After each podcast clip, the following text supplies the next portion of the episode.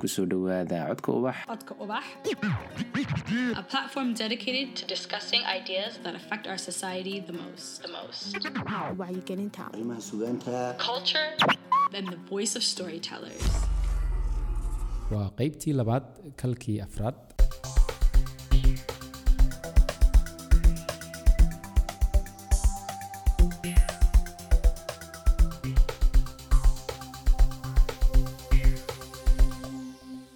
maanta waxaan la joognaa guuleed dafaac waxaan ka hadlaynaa doorashada iyo marxaladii kala duwan ee somalilan soo martay.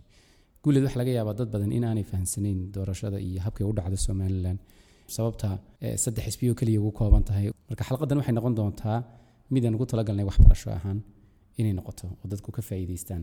Maxaad nooga sheegi kartaa horta doorashadii sideedaba abdullah axmed marka hore waad mahadsan tahay mawduucan xilligiisii taagan inaan kofa garanayno. Em, intaanan eh, ka hadal nidaamka doorasho casriga somalilan hadda jooga waxaan jeclay dadka in xasuusiyo in doorashadu iyo dimuqraadiyaddu aanay dadka reer somalilan historically ku cusbayn oo waagii gumaystuhu eh, dalka ka sii baxayay eh, xisbiyadii halgadoonka ah waxay bilaabeen markii la ogolaaday inay doorashooyin galaan kolkaa baarlamaan shacbi oo uu samaysmo hadba intuu awoodiisu tanay ku xidhnayd hadba intii gumaystuhu sii guurayay. Lixdankii markii midnimada lala galay soomaaliyana jumhuuriyadda soomaalidu samaysantayna ilaa iskaa lixdankii intii ciidamadu la wareegayeen dadku dimuqraadiyad bay ku jireen.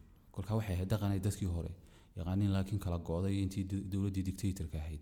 Kun sagaal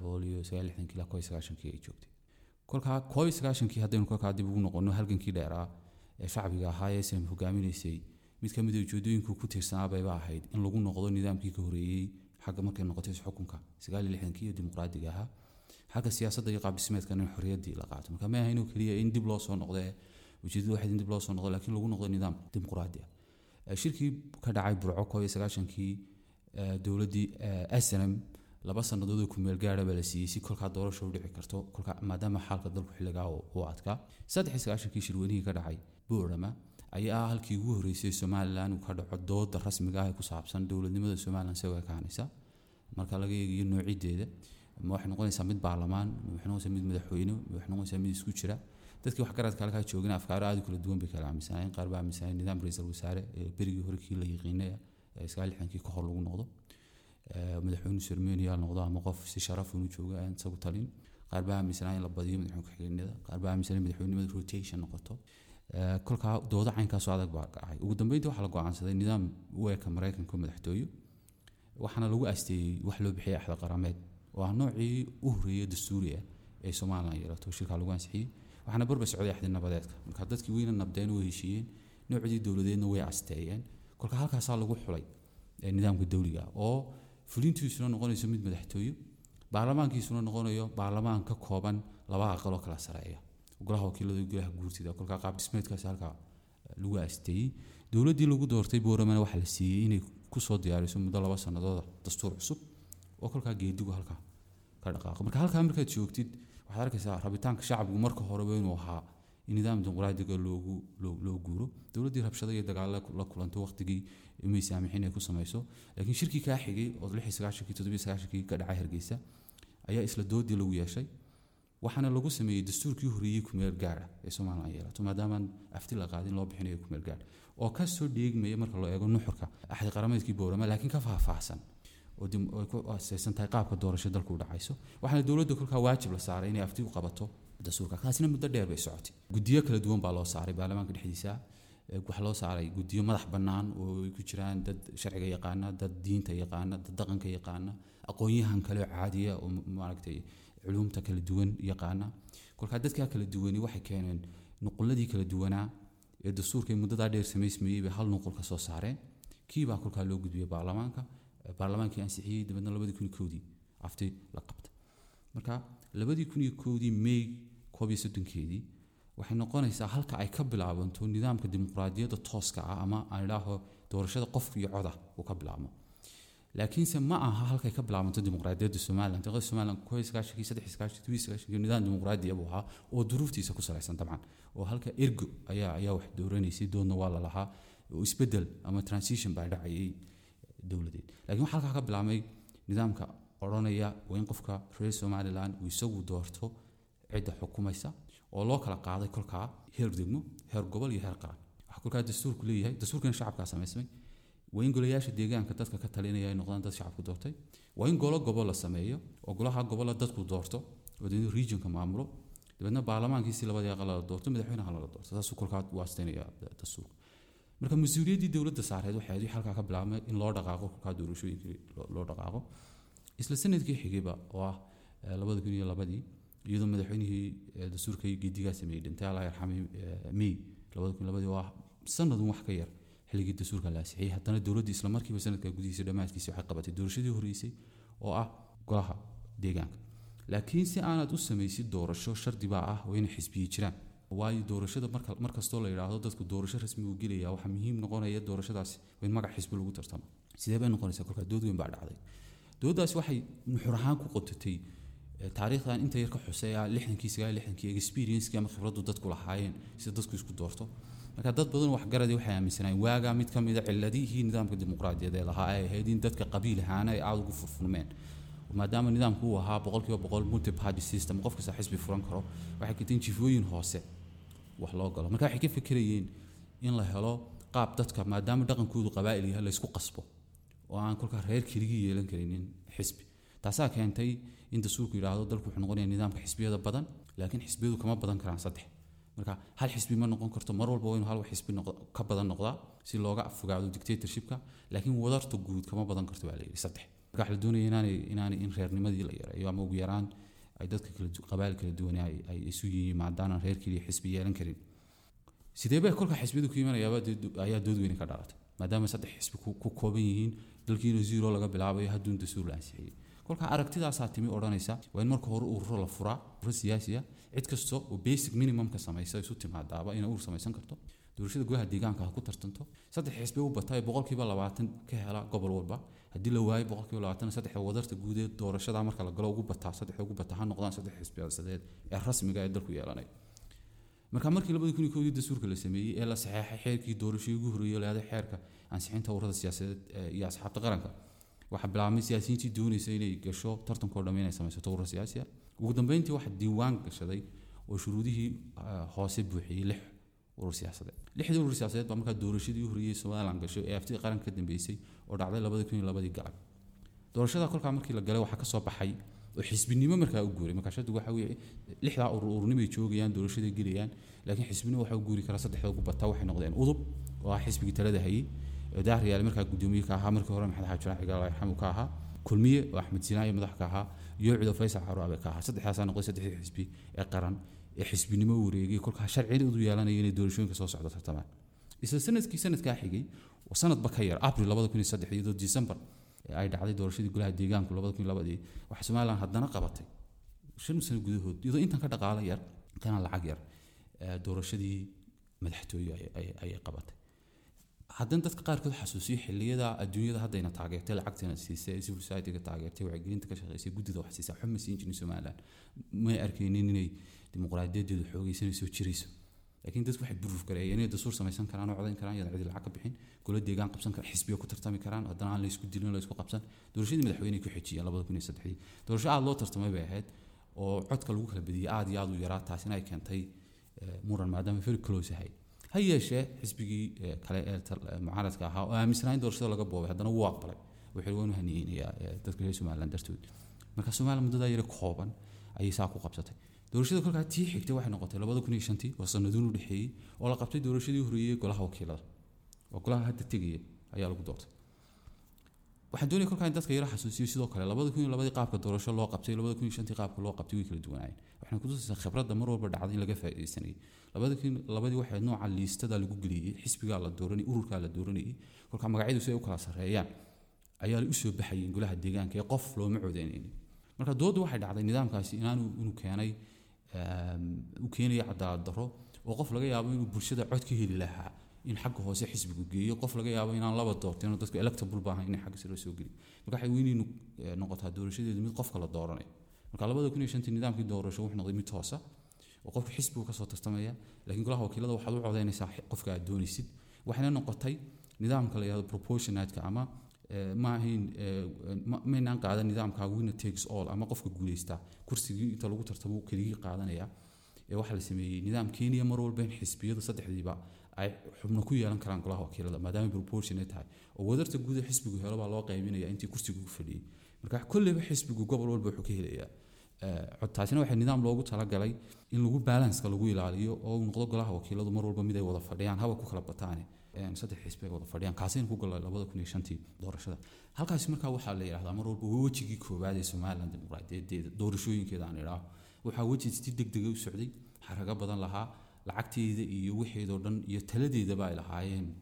Dadka reer somalilan adduunkana kolkaa ku soo jeedisay go-naanshaha ama commitmentka dadka shacabka reer somalilan u leeyihiin iyo siyaasiyiintooduba inay ka dhabeeyaan qadiyadooda inaanay ahayn dad doonaya inay ku ku dheganaadaan waayo waxyaabaha hadda dadku eegayaan waxa waa soddon sannadood baynu hadda joognaa. Marka laakiin markaynu labada kun iyo koodii iyo labadii ka hadlayno waxaynu dagaaladii sokeeye ka sokeynaa. Waa wax shan sano ka yar. Because shirkii eh, lagu qabtay hargeysa lix iyo sagaashan iyo sagaashankii baa rabshadihii oo dhami ku dhammaadeen marka shan sano gudahood baynu kaga guuraynaa nidaamkii eh, qabaliga ugu guurina nidaam dimuqraadi xitaa waddada lacagta fara badan la siiyaa saa sidaa degdega ugama guuraan. Marka waxay muujinaysaa eh, farsamo fiican oo dadku iyo iyo iyo siyaasiyiintu runtii leadershipku ay lalahaayeen halkaa wixii ka dambeeya xogaa yaroo gaabis dhacay. Sababtoo ah doorashadii xigtay golaha deegaanka waxay labada kun iyo toddobadii may dhicin. Doorashadii madaxweyne waxay inay dhacdo labada kun sideedii may dhicin.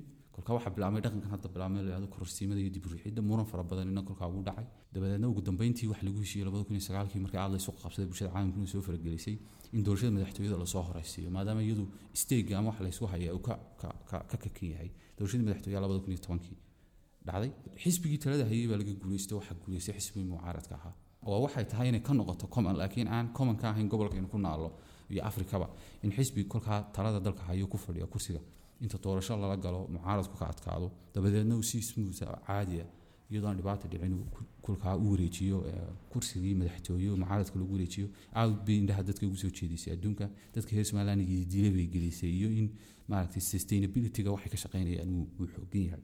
Laakiin halkaa waxaa weli dhinnaa doorashadii golaha wakiilada iyo golayaasha deegaanada laba sano kadib labada kun iyo laba iyo tobankii doorashadii golaha deegaankii xigtay labada kun iyo labadii baa dhacday. Waxaana loo qabtay labada kun iyo labaiyo tobankii mid lamida sidii loo qabtay labada kun iyo shanta golaha wakiilada. Waa laga soo guuray nidaamkii liiska xasan sheegay.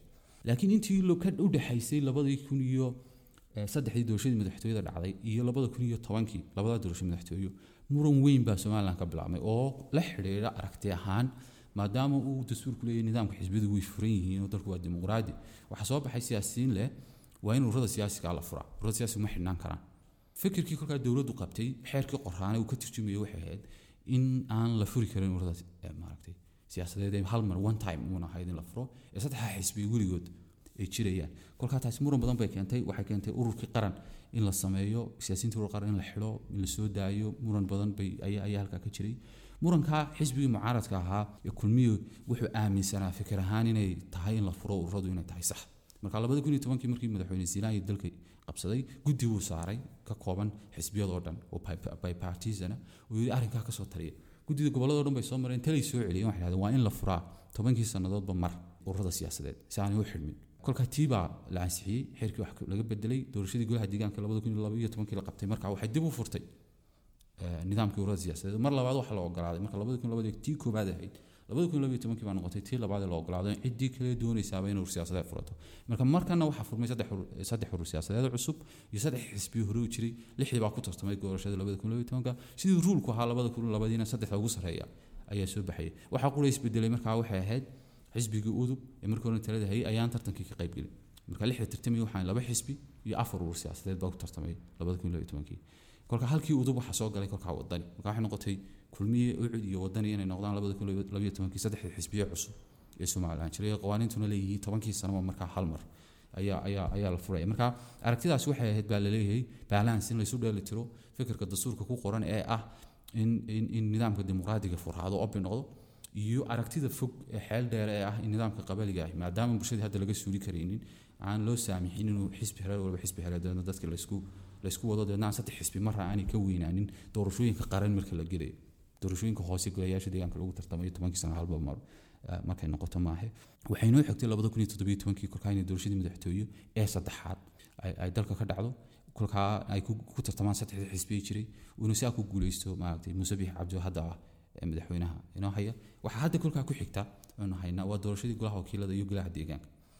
Marka waxay noqonaysaa golayaasha deegaanku tii saddexaad aynu gallo golaha wakiilada wuxuu noqonayaa golihii doorashadii golaha wakiilada ee labaad aynu gallo marka waxaa muddo dheer joogay golihii eh, wakiilada ee la doortay labada kun iyo eh, shantii dibudhacyo fara badanna way imanayeen. Mar walba oo la murmana waxaa ah, mudnaanta la siinaya doorashooyinka madaxtooye taasina waxay keenaysa in golaya- kolkaa golayaasha kale ay dib u dhacaan. Marka historiga dheere kacakuf kale ee mar la wanaagsan iyo aada loo ordayo mar la gaabinayaba leh ayay doorashooyinku soo mareen. Manaha wax ku yimi maaragtay sahlan inta qof iska soo toosay yidhi okay aan doorashada u dareen kadeedkaa dheer aynu soo koobnay oo dee keenaya dal post conflict ah oo aan lacag haysan oo adduunkii ka tirsanayn oo dadkiisu nidaam maaragtay polarizer iska yahay ayaa lagu dhiiraday haddana in la sameeyo een, maaragtay nidaam dimuqraadi oo doorasho oo- oo toosa oo dadku ay u codeynayaanba ayaa ayaa la galay. Ah, kolkaa golayaasha deegaankeena hadda horta tamaynayo golayaasha wakiilada marka historically taariikhdaa dheer bay leedahay nidaamka doorashada somaliland. Haddii la yihahdo waa nidaamka dimuqraadiyadna dib buu ugu noqonaya ilaa kow iyo sagaashankii wuxuu dib ugu noqonayaa maaragtay s n m oo iyada institution dimuqraadiya dhexdiisa. Oo jabhaduhu aala dimuqraadi ma noqdaane ka madaxa ka aba qabqablo ah laakiin somaliland s shan hogaamiye baa muddo toban sano gudahooda isku bedelay kolkaa waxaad halkaan ka muu- ka muuqataa in dhaqankaasi kolkaa markii dambe somaliland u soo transfer garoobay waxaana kaa ka sii horreeyay ka 1960 ilaa 1969 59 1960 waxaasoo dhan somaliland dimuqraadiyadu marka somaliland marka laga yimaado koo iyo labaatanka sano maxamed siyaad bare madaxa ka haystay mooy inta kaloo dhan another nidaam dimuqraadiyadeed bay ku dhaqmaysa. Aad baad mahadsan tahay guuleed marka waxaa la isweydiinaya dad badan oo aan aada u fahamsanayn nidaamkeena doorasho. Waxaa ka mid a su'aalaha la isweydiiyo miyay xadidan yihiin dadka loo ogol yahay inay gobollada iska soo sharaxaan tusaale ahaan oo xisbiyada soo galaan? Doorashadan hadda dhacaysa somaliland waxay kaloo very unique u tahay kaga duwantay kuwii hore. Waa markii horeysay laba doorasho hal mar la isku qabanayo taana looga eegayay xagga lacagta laftigeeda iyo iyo iyo iyo dib u dhacaba in lagu yareeyo. Waa mid ka ah waxyaabaha ku cusub. Doorasho walbana somaliland waxbaa ku cusub. Dhinac casharo laga baran karayo agtay su'aasha kolkaa waxay la xidhiidhaa eh, sidee bay xisbiyadii kolkaa kuraastii u kala helayaan ama ugu kala tartamayaan? Kuraasta golaha wakiiladu way xadidan yihiin waa labiyo siddeetan kursi golaha loo tartamaya wadarta guud ee qaranka oo dhan. Labiyo siddeetankii kursina waxay u qaybsan yihiin lixda gobol ee somaliland lixda gobol ee somalilandna dhallinyaradan aqoonisay ku timi waxa weye lix degmo bay somaliland 1960 markaynu ku xoroonay dowladda ingiriiska. Lixdii degmo oo xuduudo lahaa bay ahayd.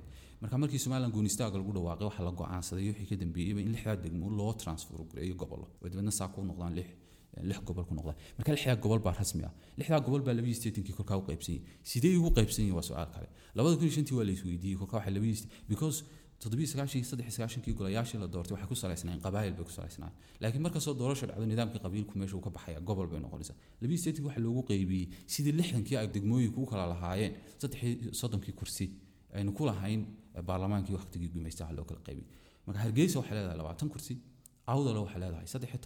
gobolka saaxil toban togdheer shan iyo toban sanaag iyo soolamin toban bay leeyihiin marka xisbi waliba gobol walba wuxuu ka sharaxayaa intaa cayiman. Tusaale ahaan gobolka hargeysa ama muruusjeex wuxuu ka sharaxayaa golaha wakiilada labaatan kursi. Labaatan kursi markaa saddex ku dhufatay waxaa u tartamaya lixdan.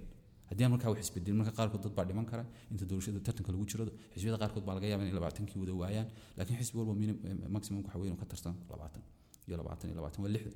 Lixdankiisay u kala helayaan. Wadarta guud ee ka codaysa gobolkaas ka soo qaad haddii gobolka muruuji afar boqoloo kun oo qof ka codayso ayaa loo qaybinayaa lixdanka kursi dabeedna waxaa soo baxaysa rayishyada ka soo qaad in labaatan kun tahay qof ku noqon karo xildhibaan. Intaasaa xisbigu loo wadartu ka helay la siinaya kolkaas siday liiska ugu kala sareeyaan xisbigu. Murashaxiinta u soo u kala cod badan yihiin xisbiga dhexdiisa ayay kolkaa u soo kala baxayaan. Haddii tusaalahaan u soo qaata haddii la kulmiye egs number buu ku leeyay buu helay. Egs numberka wuxuu kala qaadanayaa siduu u kala sareeyo cali intuu helay ka sareeyo hadduu warsame ka sii sareeyan saasuu kala helaya marka gobol gobol bay noqonaysaa lixdii gobol deegaankii baa yimi kolkaa deegaankiina si lamida baarlamaanka bay degmo waliba waxay leedahay tiro cayiman oo lagu tartamaya hargeysa waana degmada ugu ballaaran xagga tirada caasimadda xildhibaan baa lagu tartamaya degmada hargeysa ka codaynaya kolkaa tobankaasaa saddexda xisbiba min sharaxayaan si ka mida kolkaa golaha wakiilada ayaa loo qaybinaya. Sidaas la midaba gibley noqonaysaa buurama noqonaysaa salaas caanood noqonaysaa. Marka waa haddaynu si kale u dhigno waa doorasho maxalli ha u ekaato sida guud qaran laakiin si qaran looma tartamayo. Qof walba wuxuu ka tartamaya gobolkiisa keliya hadduu tartamayo baarlamaan hadduu degmo u tartamayo wuxuu ka tartamaya keliya degmadiisa. Markaad markaa degmo ka tartamaysid degmadaada keliya lagaaga codayn karaa waa dad ka tartamaysid degmada baki bakin baa lagaaga codaynaya lagaagama codayo saylac markay gobol tahayna waxaa lagaaga codaynaya gobolkooda kolka qaabkaasay u soo kala baxaya waana qaabkan markii hore sheegayo lahaa waa proportional waxay keenaysaa nidaamka qaabkaa u tisanay in mar walba golo walba hadduu yahay golaha deegaanka iyo golaha wakiilada saddexda xisbi ay ku yeelanayaan kuraas. Ha ugu kala bataan siday u kala leeyihiin codadka u kala leeyihiin. Ee ma nidaamka ah inta kursi meel la dhigo kolkaa laba qof ku kala tartato oo dabeedna uu helo. Taas waxaa laga yaaba inay keento hadba xisbiga xoogi weyn inuu kuraasti oo dhan uu qaato. Maxaa keenay in labadan doorasho ay isku sidkanaadaan iminka laba sababood muhiim waa keenay mid midkood waxa weeye dib u dhaca keenay labadiiba waqtigii ka dhacay.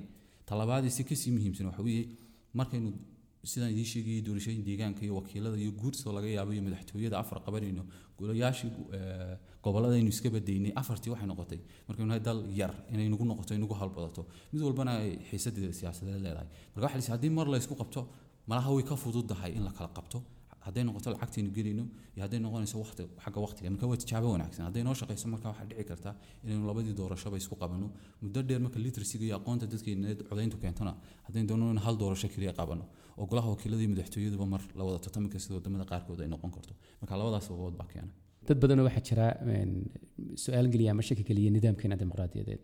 Inkastoo dee dadka qaarna yidhaahdaan dimuqraadiyaddu ma aha wax meel taagani waa cid waliba waxay ku salayn kartaa waaqiceeda somalilan oo kale imika musharaxiinta dad badan ba waxay ku doodayaan waxa faraha kula jira oo soo xulaya odayaal oday dhaqameedyo.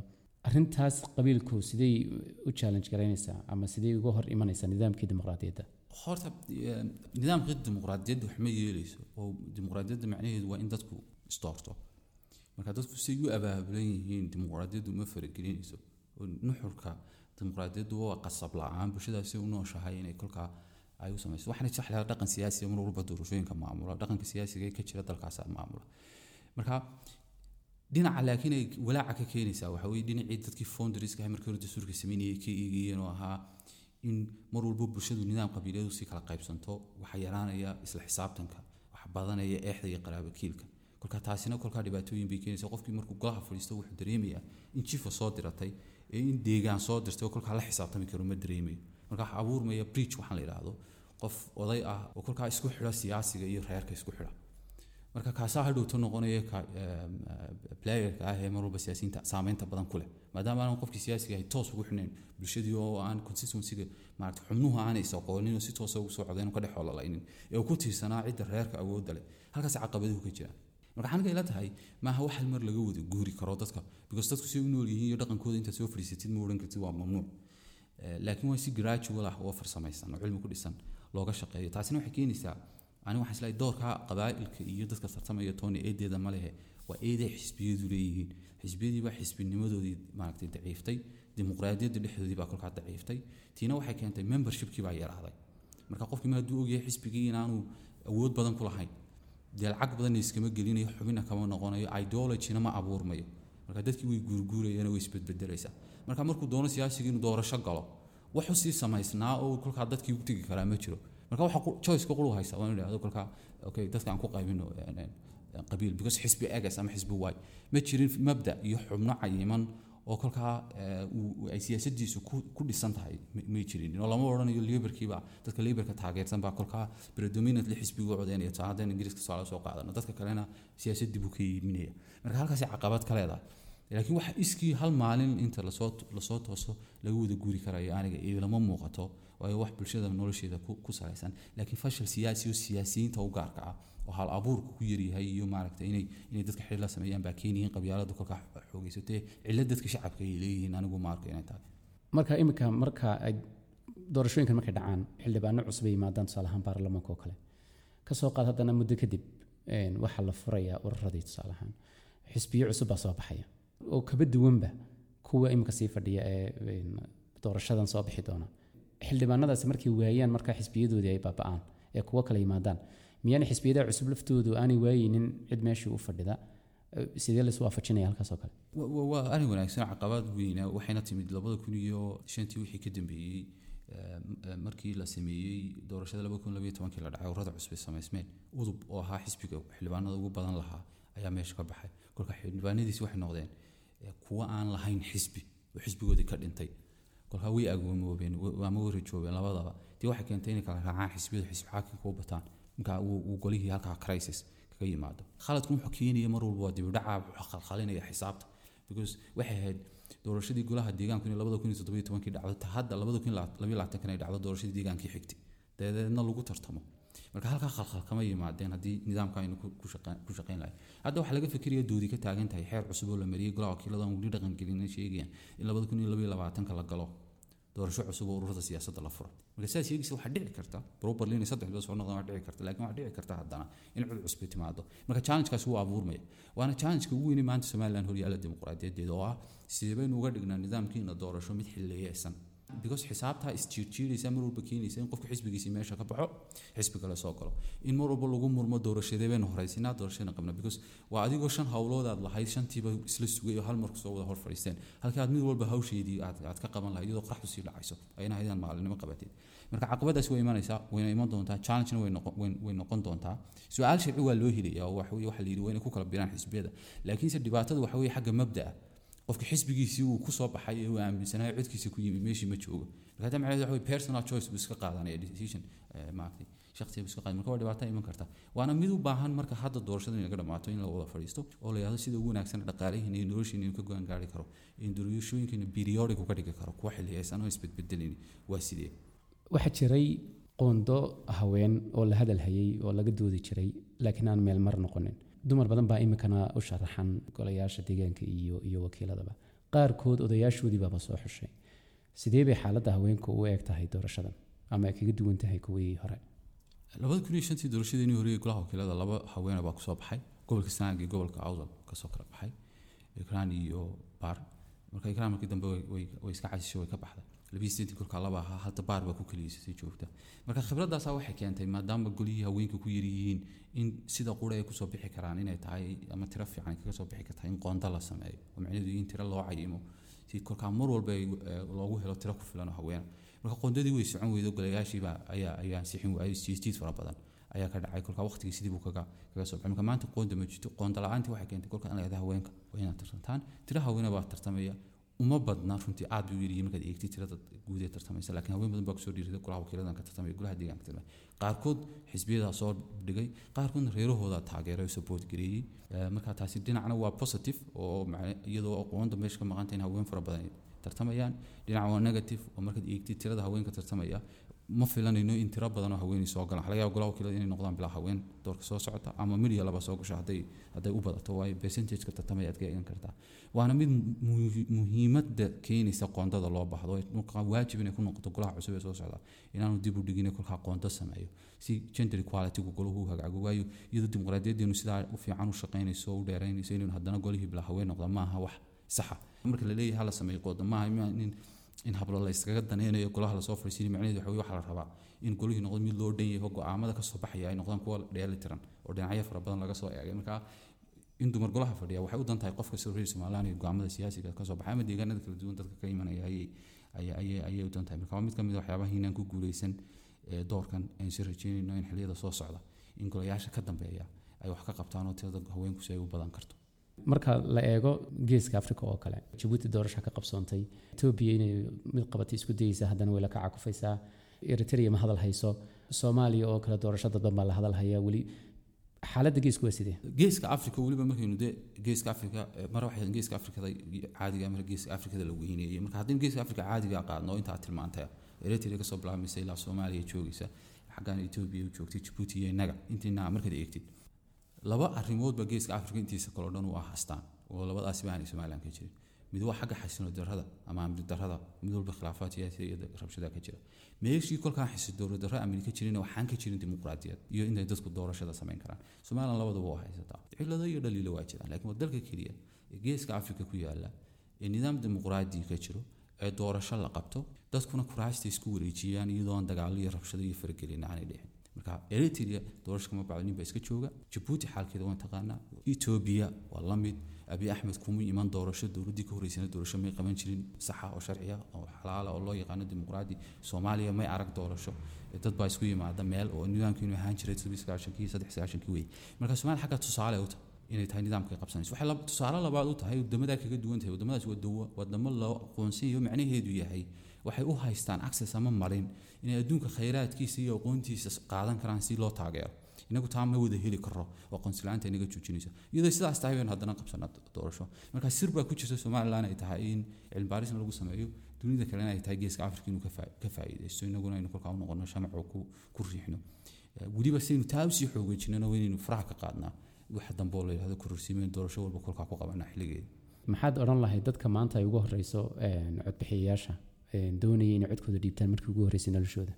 Dad fara badan oo codeynaya ama, qiyaastayda dadka u badan waayo waxa la- qiyaasaya koob iyo soddon wixii ka yaroo dhami waa markii horeysay ee golaha wakiilada u codeeyaan because labada kun shan iyo lix toban jir bay hidaada lagu codeyn karaa marka dad i- aad u fara badan baa tahay markii horeysay codeynayaan markii horeysay golaha wakiilada cid u codeynaya saddex arrimood baan doonayna xasuusiyo markii hore inay fahmaan inay inay tahay inay enjoy gareeyaan ama ay fahmaan inay ku raaxaystaan oo dad intay waxay u soo halgameen midhaheedii ay qaadanayaan ay u araguun inay kiyuu iyo qorax istaagayaan. Ay tahay waxaan dad kale haysan wadamo fara badan aanay heli karin ama dad maanta u dhimanayaan u dagaalamayaan fahmaan. Kolka iyagana dad ka horeeyay inay soo maraan taasi waa ta koobaad ta labaad inay ilaashadaan dimuqraadiyaddu maaha for granted maaha waxaad soranaysid weliga ilaha way iska kaa jiraysa waxaad u baahantahay mar walba ilaashatid oo kolkaa tubteeda haysatid ku- socotid. Ta saddexaadna kula talin waxa wey inay u codeeyaan si maskaxdooda ka go'day oo qofkii ama magaaladooda ama gobolkooda ama meel kastoo joogay qarankooda ay yirahdaan waa u daneynaya ay ku codeeyaan oo waan ognahay nidaamka qabaligu uu badan yahay laakiinse ugu yaraan karakterka qofka iyo shaqsinimadiisa qofku inay ku yeelato door baan dhalinyarada aad iyo aad ugu coleyn lahaa. Ee dadka somaliland oo dhan waxaan leeyahay hambalyo waa soddon guuro waana labaatan guuradii. Markii dastuurka somaliland la codeeyey macnaheedu waxa waa nidaamka dimuqraadiga ee casriga ah somaliland labaatan guuradiisii weeye. Kolka arrinkaasina arrin badan oo lagu farxo weeye guul dadka reer somaliland ay gaarayaan waxaa jira isna deegaanadaan hore doorashadii golaha wakiilada uga dhicin labada kun iyo shantii oo markii horeysay fursad u yeelan doona inay golaha wakiilada cid u soo dirtaan. Gobolka sooloo kale intiisa badani waxay ku timi nidaam eh, isxambaar la dadka la soo dooran laakiin maanta lasaxana doorasho way ka dhacaysaa dad bay u soo diran karayaan caasimada danahooda ka shaqeeya